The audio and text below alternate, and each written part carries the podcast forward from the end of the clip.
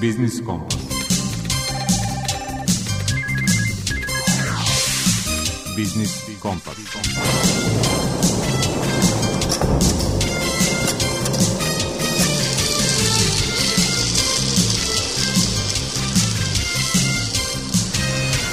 Pred mikrofonom je Đuro Vukilić. Dobar dan poštovani slušalci. Iako je kasni oktobar, još nismo morali da proveravamo spremnost toplana za grejnu sezonu. Do kada će potrajati toplo vreme ne znamo. Ono što znamo jeste da se zbog poskupljenja energenata posljednjih godina sve ozbiljnije bavimo energetskom efikasnošću. O tome će u rubrici aktualno govoriti koleginica Branka Dragović-Savići. Gost autor rubrike iz mog ugla je profesor sa Beogradskog ekonomskog fakulteta Predrag Bijelić. Govorit će o sadašnjosti i budućnosti inicijative Pojas i put i uključenosti naše zemlje u taj projekat, a sve u svetlu globalnih ekonomskih kretanja.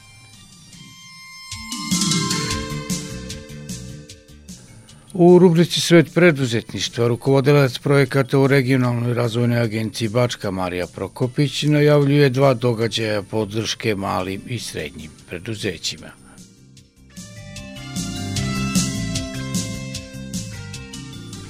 Tema rubrike predmet financije i izlaganje Jelene Popović iz sektora za zaštitu korisnika finansijskih usluga u Narodnoj banci Srbije su savjeti kako da izaberete banku koja će najbolje pratiti vaše finansijske potrebe i mogućnosti.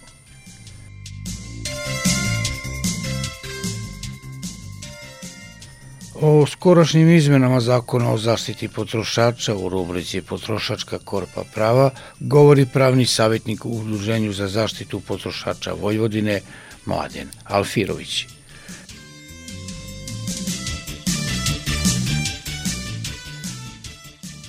I posle vodne najve sledi prva muzička numera za danas.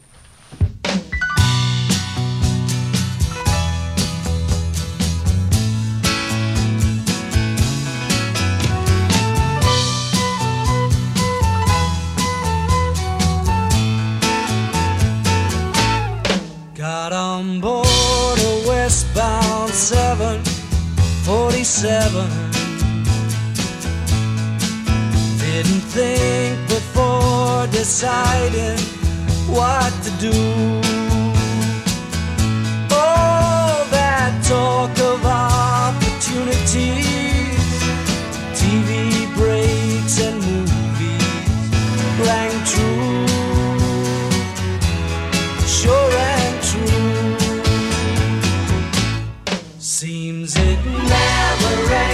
inside.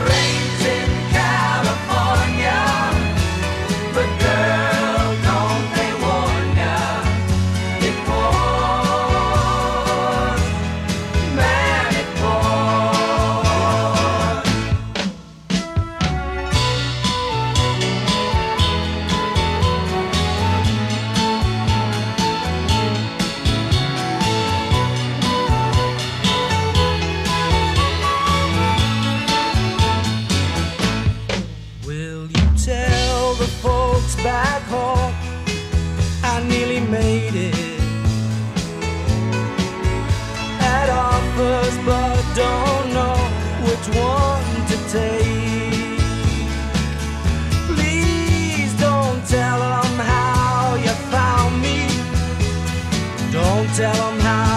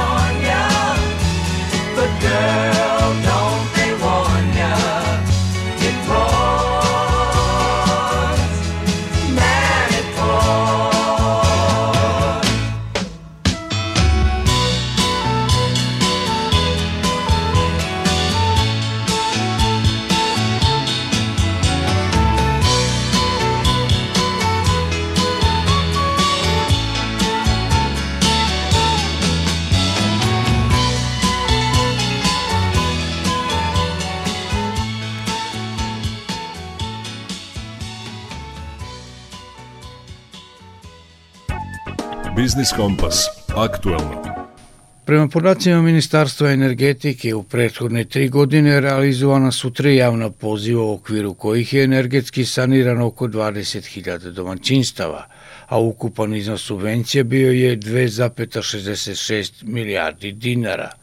Povećan je broj kupaca proizvođača, kojih je trenutno oko 2.500, od kojih je više od 1600 domaćinstava, a ostali su iz privrede.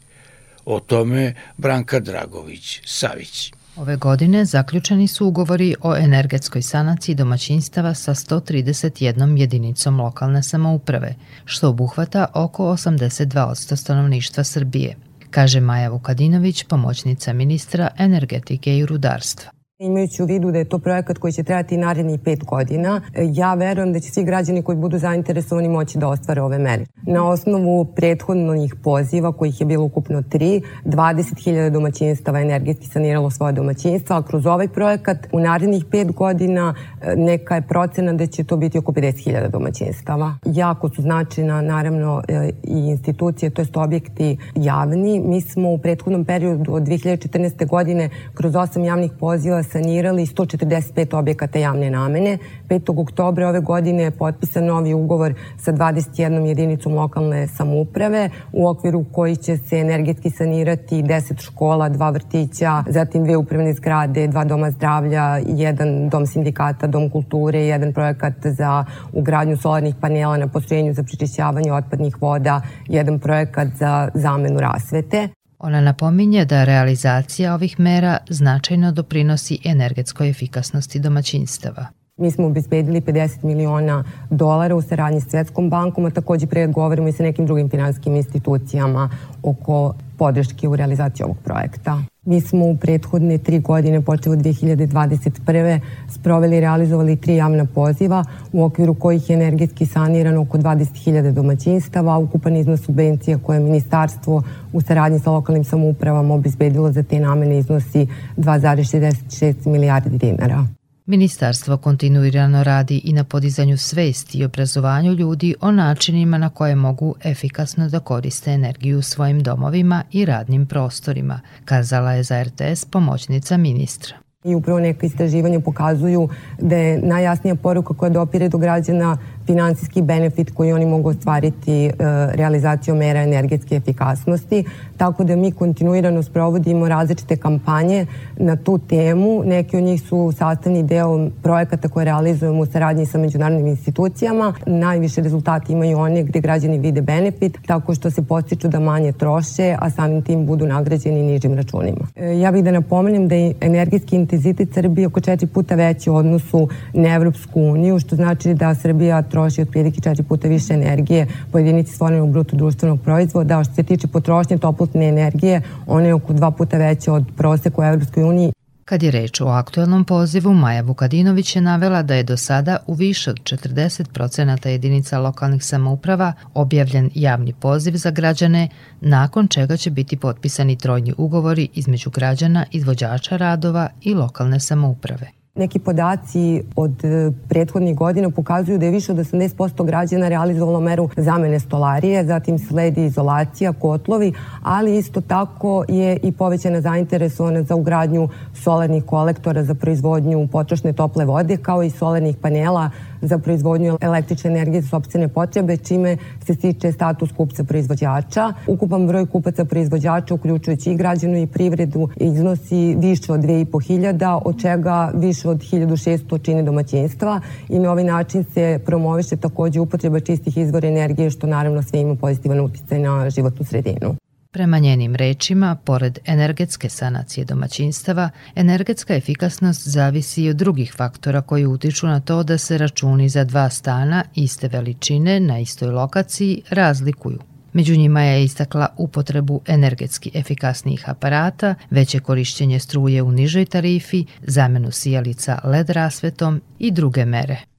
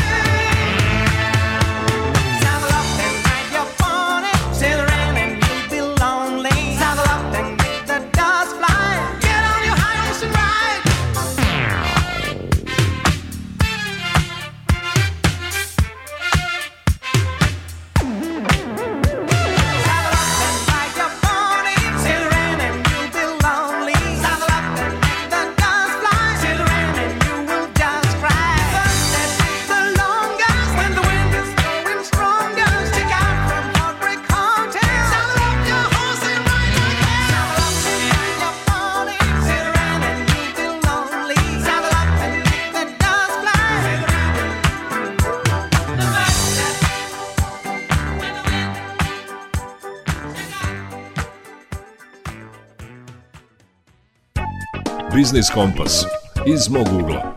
Sporazum o slobodnoj trgovini koji je naša državna delegacija potpisala sa Narodnom republikom Kinom tokom trećeg međunarodnog foruma Pojas i put bio je povod da se pozabavimo sadašnjosti i budućnošću te inicijative u okviru sve naglašenije polarizacije u globalnim ekonomskim odnosima i gde je u tome naša zemlja – O tome će u rubrici iz mog ugla govoriti profesor sa ekonomskog fakulteta u Beogradu Predrag Bjelić.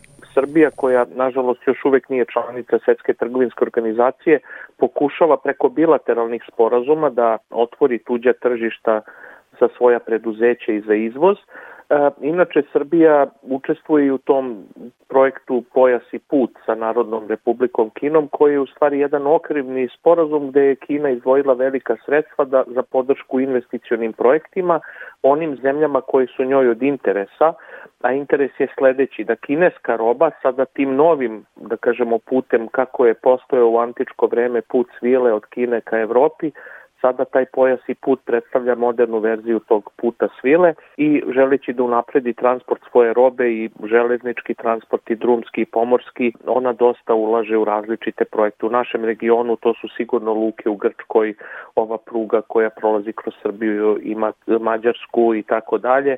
Znači to je sve želja da se taj put kineske robe u stvari ka prvenstveno ka Evropskoj uniji unapredi. E, mnoge zemlje Evropske unije, mislim da su to i Italija još neke koje su prvo izrazile svoju želju, ovaj onda su se povukle a stvari u tome da dolazi do jednog globalnog zaoštravanja tih geoekonomskih odnosa što se vidi na globalnoj sceni.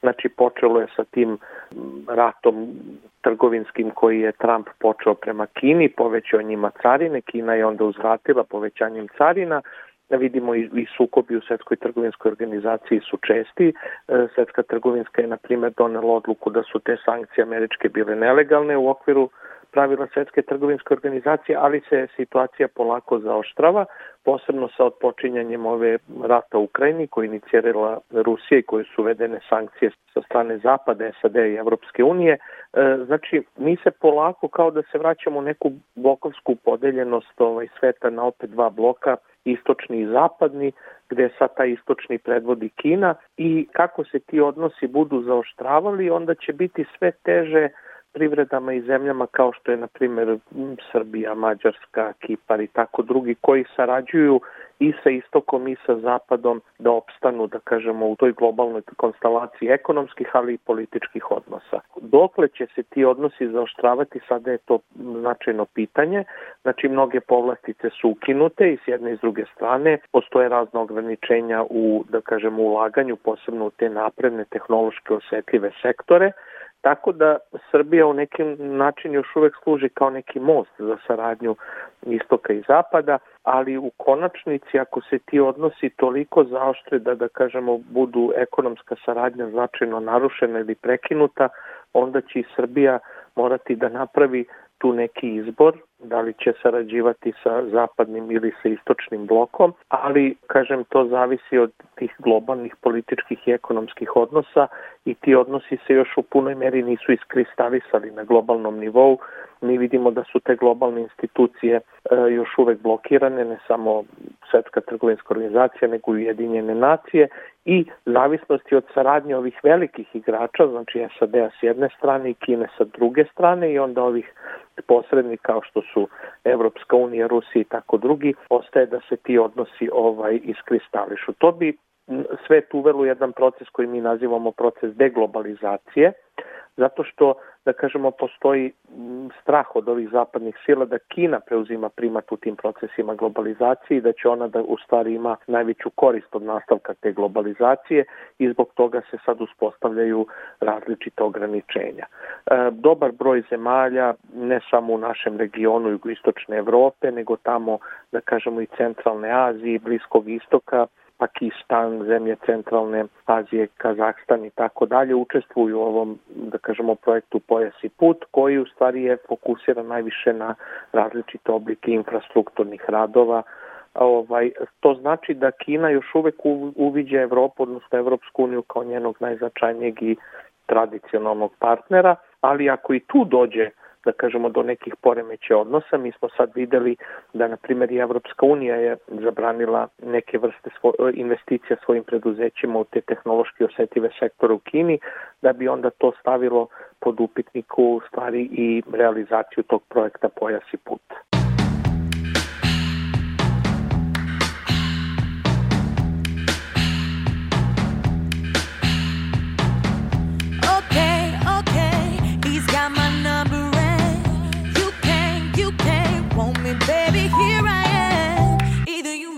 Time or just forget me.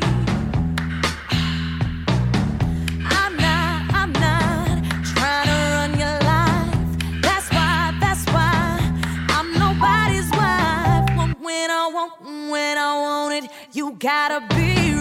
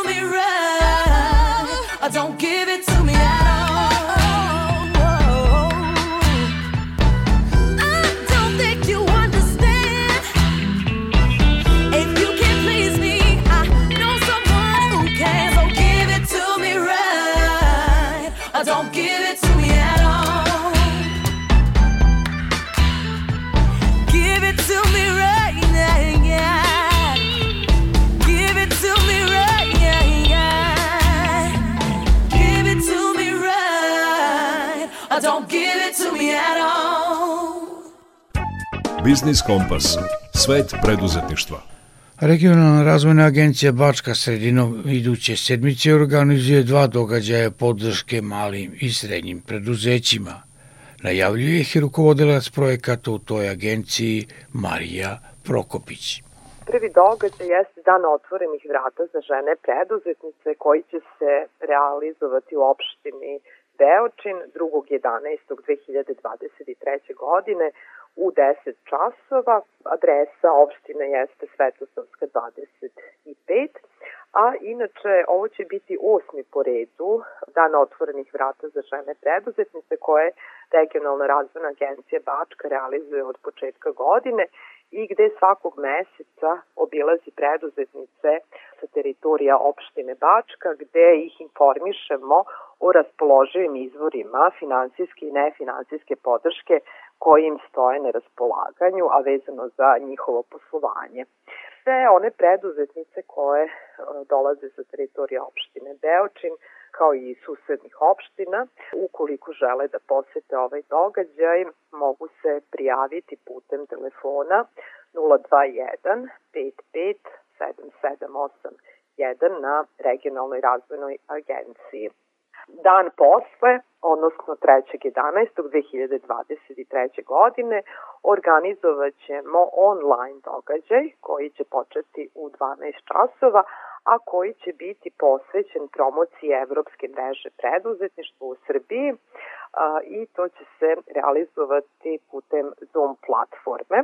Inače, ovaj događaj organizujemo jednom godišnje i on se organizuje u okviru Evropske nedelje malih i srednjih preduzeća koji predstavlja pan-evropsku kampanju sa ciljem promocije preduzetništva u Evropi. Inače, Evropska nedelja malih i srednjih preduzeća koordinirane od strane Evropske komisije i sastoji se od velikog broja događaja koji se realizuju tokom čitave godine na raznim lokacijama u Evropi. Gošća na ovom događaju biće profesor dr. Jelena Borodski, redovni profesor na Fakultetu tehničkih nauka u Novom Sadu, koja je ujedno i programska menadžerka ove mreže za Srbiju. Događaj je predviđen za predstavnike malih i srednjih preduzeća, a, kako one koji trenutno rade u internacionalnom okruženju, tako i one koji planiraju da se bave izvozom svojih proizvoda i usluga, jer putem ove mreže firme u Srbiji mogu da nađu partnere iz 50 zemalja, kako Evropske unije, tako i šire. Kad kažem partnere, misle se i na kupce, i na potencijalne dobavljače, kao i neke kompanije sa kojim mogu zajednički ulaziti u projekte. Pored ovih beneficija, Evropska mreža preduzetništva nudi čitav niz mogućnosti, usluge su besplatne, a sve zainteresovane firme koje žele da slušaju ovaj online događaj takođe mogu se prijaviti putem našeg fiksnog telefona 021 557781.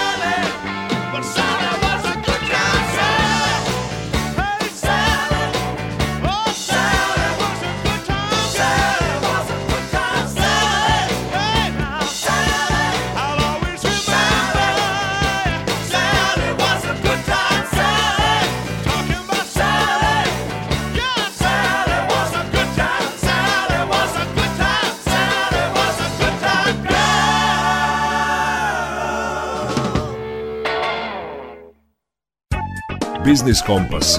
Predmet financije. U Srbiji trenutno postoje 20 poslovnih banaka i ukoliko vam na prvi pogled izgleda da sve nude podjednake uslove klijentima, to baš i nije tako. Razlikuju se visine naknada za usluge, dozvoljeni minusi i kamate i u istinu se isplati pažljiv izbor banke kojoj ćete poveriti i novac i ukazati poverenje. O tome u rubrici Predmet financije govori Jelena Popović iz sektora za zaštitu korisnika finansijskih usluga u Narodnoj banci Srbije. Kako biste se lakše odlučili koju banku da odaberete radi obezbeđenja veće uporedivosti i naknada za usluge povezane s platnim računom između različitih pružalaca platnih usluga i u skladu sa zakonom o platnim uslugama, treba da znate da Narodna banka Srbije objavljuje uporedive podatke o naknadama koje pružalci platnih usluga naplaćuju korisnicima i to najmanje za usluge navedene u listi reprezentativnih usluga. Usluge s liste reprezentativnih usluga predstavljaju one usluge koje su najznačajnije platne usluge u našoj zemlji, to jest usluge koje se najčešće koriste u vezi s platnim računom i koje korisnike platnih usluga izlažu najvećem trošku. Uzimajući u obzir navedene kriterijume, Narodna banka Srbije je propisala listu reprezentativnih usluga povezanih platnim računom za koje korisnici platnih usluga plaćaju naknade, a koje nudi najmanje jedan pružalac platnih usluga u Republici Srbiji. Lista reprezentativnih usluga povezanih s platnim računom sadrži izraze i definicije za te usluge i možete pogledati na sajtu Narodne banke Srbije kako za korisnike platnih usluga, kao i reprezentativne usluge povezane s platnim računom za korisnike platnih usluga koji su preduzetnici ili pravna lica. Na internet prezentaciji Narodne banke Srbije možete pronaći uporedive podatke o naknadama koje pružalci platnih usluga naplaćaju u vezi sa platnim uslugama, odnosno paketima usluga koje nude. U pregledima se nalaze podaci o naknadama za usluge navedene u listi reprezentativnih usluga, a koje su povezane s platnim računom i podaci o naknadama za uslugu uplate gotovog novca na tuđi platni račun, kao što je, na primer, uplata gotovog novca za redovne mesečne račune za komunalne usluge na šalteru pružaoca platnih usluga. S druge strane, kako da prepoznate vrstu finansijskog proizvoda koji odgovara vašim potrebama? Kada odlučite da se zadužite, pođite od toga zašto su vam ta sredstva potrebna, u kojoj visini i za koji period, a zatim pokušajte u razgovoru sa službenicima banaka da saznate sve uslove pod kojima se proizvodi nude. Obavezno iskoristite priliku da pitate službenika sve što vam nije jasno, kako biste različite uslove i proizvode mogli da uporedite i na kraju odaberite onaj proizvod koji će u najmanjoj meri opteretiti vaš budžet, a naravno s druge strane da odgovara vašim potrebama.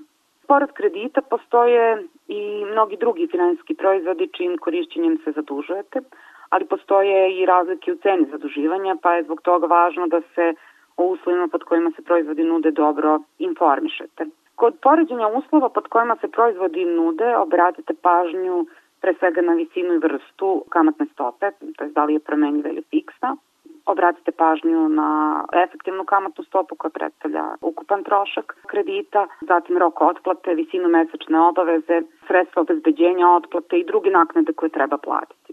Kod kredita obratite pažnju i na vremenski period tokom kojeg ćete ga otplaćivati, jer kredit u istom iznosu sa istom kamatnom stopom, a dužim rokom otplate podrazumeva manji iznos mesečne obaveze, ali ukupno veći iznos obaveze po osnovu kamate. Isto tako potrebno je da se zapitate da li je vaš kućni budžet dovoljan za plaćanje obaveza po osnovu određenog kredita za koji biste podneli zahtev. Zato kažemo napravite tačnu računicu koliko stvarno trošite u toku meseca i koliko je potrebno da odvojite kako biste mogli da platite mesečnu ratu. I naravno pokušajte iskreno sebi da odgovorite na pitanje da li ću zaista moći da otplaćujem rate za sve vreme trajanja ugovora o kreditu. Kredit može izgledati kao dobro rešenje za mnoge vaše probleme. Uz pomoć sredstava koji vam odobri banka možete da otputujete, da kupite nov automobil, renovirate kuću, kuhinju, deo stana, a dugovanje ćete otplaćivati u nekom narednom periodu. Kupite sada, a dug braćate kasnije, zvuči vrlo primamljivo. Međutim, to što sada koristite sredstva koja nemate, znači da ćete kasnije morati da ih vratite i to uvećano za iznos cene pozemljivanja sredstava, dakle uvećano za kamatu. Ukoliko se odlučite da uzmete kredit ili da se na drugi način zadužite, imajte u vidu da postoji veliki broj banaka i da svi oni nude kredite, kreditne kartice i druge finansijske proizvode pod različitim uslovima. Potrudite se da pronađete one koji najviše odgovaraju vašim potrebama i vašim finansijskim mogućnostima.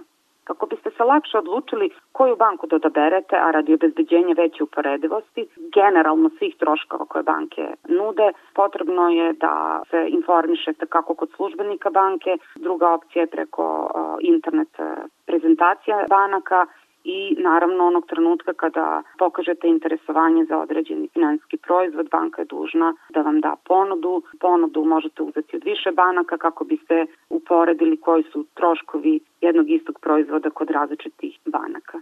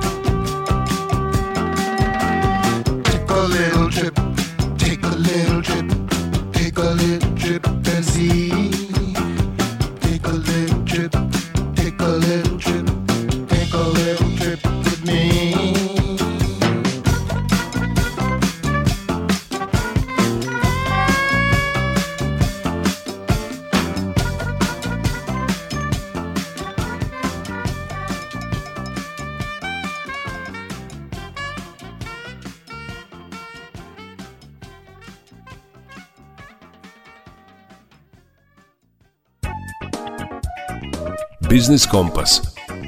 Potrošačka korpa prava. Pred Srpskim zakonom o zaštiti potrošača je novi set izmjena i dopuna, a cilj je unošenje tri nove direktive Evropske unije. O efektima tih izmjena u današnjoj rubrici Potrošačka korpa prava govori pravni savjetnik u Udruženju za zaštitu potrošača Vojvodine Mladen Alfirović. U centru ovih izmjena će biti usvajanje propisa Evropske unije u domaći pravni sistem, međutim to smo mi i do sada radili i svaki zakon o zaštiti potrošača zapravo sadržao je najnovije evropske direktive koje su stupile na snagu, međutim ono što nas muči jeste primjena tog zakona i ono što Evropska unija od nas zapravo traži jeste isti nivo zaštite potrošača kao u Evropskoj uniji. Zato mi zapravo i malo malo pa donosimo nove zakone, međutim da pogledamo praktično kakva je situacija, da li mi imamo isti nivo zaštite kao što je u Francuskoj i Nemačkoj, pa svakako nemamo, ni približno. I zašto je taj isti nivo zaštite potreban zapravo Evropskoj uniji, pa potreban je zbog privrede. Dakle, ne, ne toliko zbog samih potrošača, već je neko očekivanje da isti nivo zaštite svuda mora da postoji da bi roba i usluge nesmetano mogli da teku između država članica. Ono što što je ključno vezano za nove izmene, dakle ništa suštinski se neće promeniti, već e, i dalje su najveći problemi potrošača u Srbiji uglavnom vezani za e, odbijanje prigovora kad je u pitanju e, odeća i obuća. Dakle, reklamacija robe za potrošače postala je prava muka toga smo svedoci već dugi niz godina i u, recimo kad je u pitanju odeća i obuće, u slučaju da se odbije prigovor potrošača, on mora da, pored mehanizma za vansudsko rešavanje sporova, koje je od skoro na snazi, dakle on da bi dokazao da, da je u pravu, mora da pribavlja stručno mišljenje, a to zahteva i vreme i novac. Recimo, ako uzmemo za primjer neke patike koje su plaćene nekoliko hiljada dinara, dok se uradi to veštačenje, dok se utvrdi ko je odgovoran za propust, prosto to postane jako iscrpljujuće i dugotrajno, a reč je svega o nekoliko hiljada dinara iznosa, tako da veliki broj potrošača zapravo i odustaje u borbi za njihova prava i trgovci to vešto koriste tu situaciju. A kad odbio reklamacije u svom obrazloženju navedu najčešće da je neadekvatno održavanje ili da je mehaničko oštećenje obuće i samim tim potrošač je odgovoren, kao što sam rekao, mora u jednom prilično iscrpljujućem i komplikovanom postupku da to dokazuje. Dakle, mi ovu muku potrošača nismo uspeli da rešimo zato što prosto postoje neki trgovci koji dalje smatraju da je profit na prvom mestu, dakle, a ne interes e, i zadovoljstvo kupaca, već gledaju samo kako da što brže i što lakše zarade što veći novac. Dakle, sve dok se ta situacija ne promeni, dok se ne promeni mentalitet i potrošača i trgovaca, dakle, mi nećemo moći, pa kakav god zakon bio i najsavršeniji na ovom svetu, da da u praksi nešto promenimo. Dakle, ukoliko i nove izmene zakona budu imale onaj stari problem da se neadekvatno primenjuju u praksi, život potrošača u Srbiji bi nažalost mogao da, da ostane isti kao i do sada, ali mi kao potrošačka organizacija ćemo se truditi da što je više moguće poboljšamo zaštitu prava potrošača, a zbog toga svakodnevno i radimo na njihovoj edukaciji, dajemo im savete informacije kako bi bili potpuno informisani i edukovani, kako bi mogli da donose racionalne odluke i kako bi bili mogućnosti da na što bolji i efikasniji način zaštite svoja prava kad su u pitanju neki nesavesni trgovci koji u svakoj situaciji žele da zaštite svoje ekonomske interese.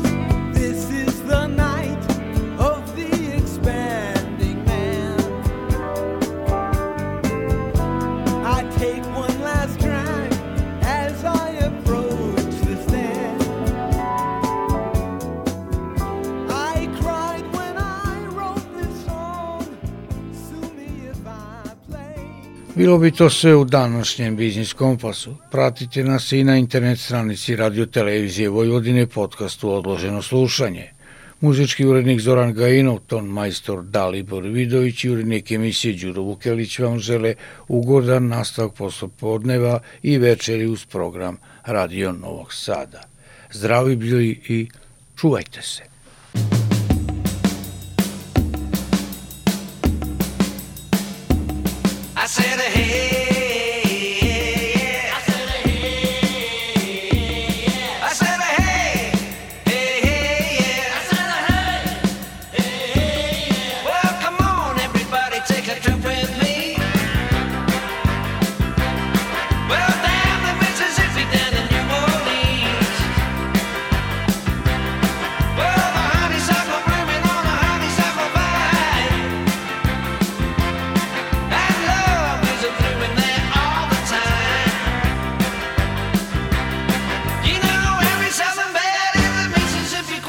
down the Mississippi, down to New Orleans. I said, hey.